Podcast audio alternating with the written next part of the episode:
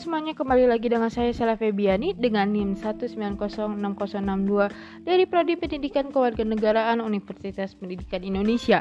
Sama seperti sebelumnya, di sini saya akan membawakan sebuah podcast dengan episode yang mana episode ini hampir sama dengan episode-episode sebelumnya, yaitu memberikan tanggapan kepada kelompok dalam mata kuliah kriminologi di mana tanggapan ini tanggapan mengenai presentasi yang telah dilakukan oleh kelompok. Nah, untuk episode kali ini saya akan memberikan tanggapan kepada kelompok 7 di mana kelompok 7 sendiri mengenai materi tentang tinjauan kriminologi terhadap kasus kejahatan perdagangan manusia di mana perdagangan remaja terhadap sebagai pekerja seks komersial di Makassar. Nah, tanggapan saya yang ingin saya berikan kepada kelompok 7 yang pertama itu dalam segi penyajian materi yang di mana menurut saya pribadi uh, yang dilakukan oleh kelompok setuju sendiri mengenai penjajian materi sudah cukup bagus, jelas dan mendetail.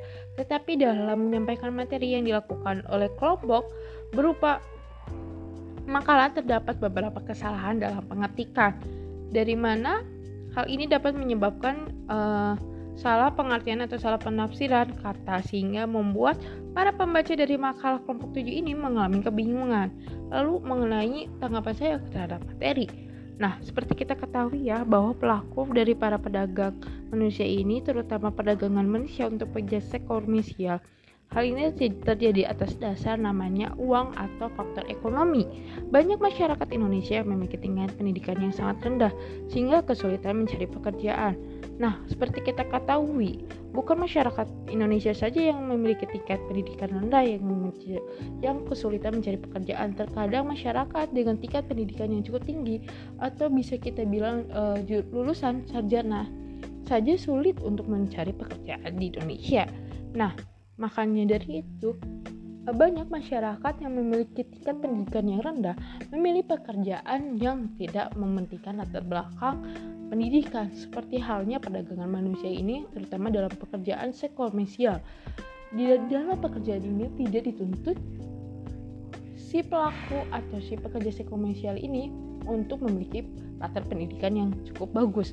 Tetapi hanya dibutuh, dituntut untuk memiliki suatu keterampilan terutama dari uh, untuk pelaku di mana pelaku perdagangan manusia ini atau di dalam sektor manusia ini biasa kita sebut dengan mucikari. Nah, sebagai mucikari ini dia tidak dituntut untuk memiliki pengetahuan atau memiliki kepintaran yang uh, yang sangat bagus di mana hal itu sebenarnya dituntut untuk pekerjaan-pekerjaan yang biasanya. Nah, sehingga itu maka masyarakat dengan tingkat pendidikan yang rendah itu dapat bekerja sebagai mucikari. Nah, keterampil salah satu keterampilan yang harus dilakukan yang dimiliki oleh pelaku perdagangan manusia itu yaitu da, yaitu dalam merekrut uh, orang di mana dalam merekrut orangnya ini tak jarang mereka merekrutnya melakukan dengan penipu atau menipu korban. Nah, si korban ini biasa ditipu dengan diiming-imingkan pekerjaan. Nah, korban juga biasanya itu adalah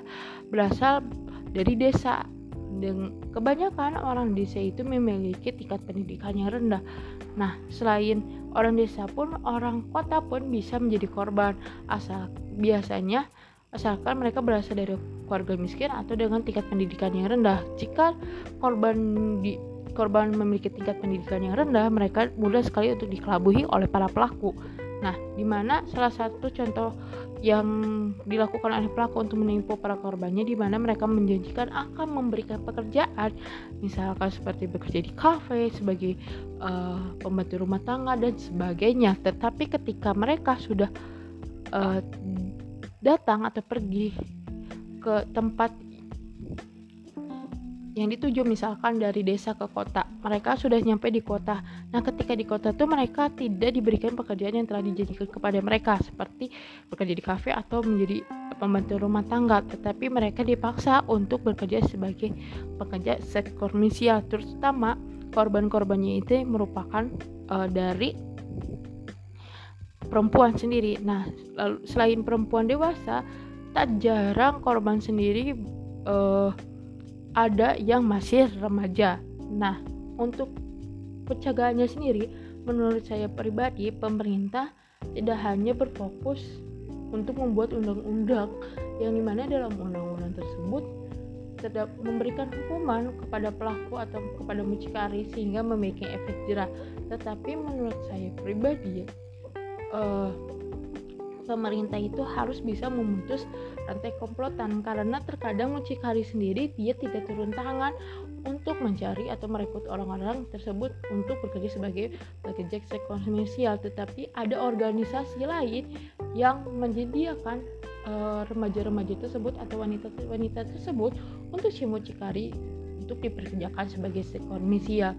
Ada salah satu sumber yang saya uh, bukan saya baca, uh, saya mendengar dari salah satu sumber di mana waktu itu saya mendengar salah satu podcast di situ uh, membicarakan tentang mafia uh, mafia seks atau pekerja seks komersial di daerah timur. Jadi di mana di situ dijelaskan bahwa mereka itu banyak sekali komplotan-komplotannya bahkan bukan di Indonesia saja bahkan sampai tingkat luar di mana udah menyampai luar ini ini juga berkaitan dengan hukum internasional sendiri sehingga menurut saya pribadi untuk menyelesaikan perdagangan manusia terutama mengenai pekerja seks komersial pemerintah harus benar-benar fokus mencari akar organisasi-organisasi penyuplai uh, pekerja seks komersial kepada mucikarinya.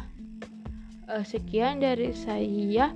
Mohon maaf jika uh, ada kesalahan kata atau hal-hal yang masih yang berkur yang masih kurang. Terima kasih sebelumnya. Sampai jumpa di episode sebelumnya.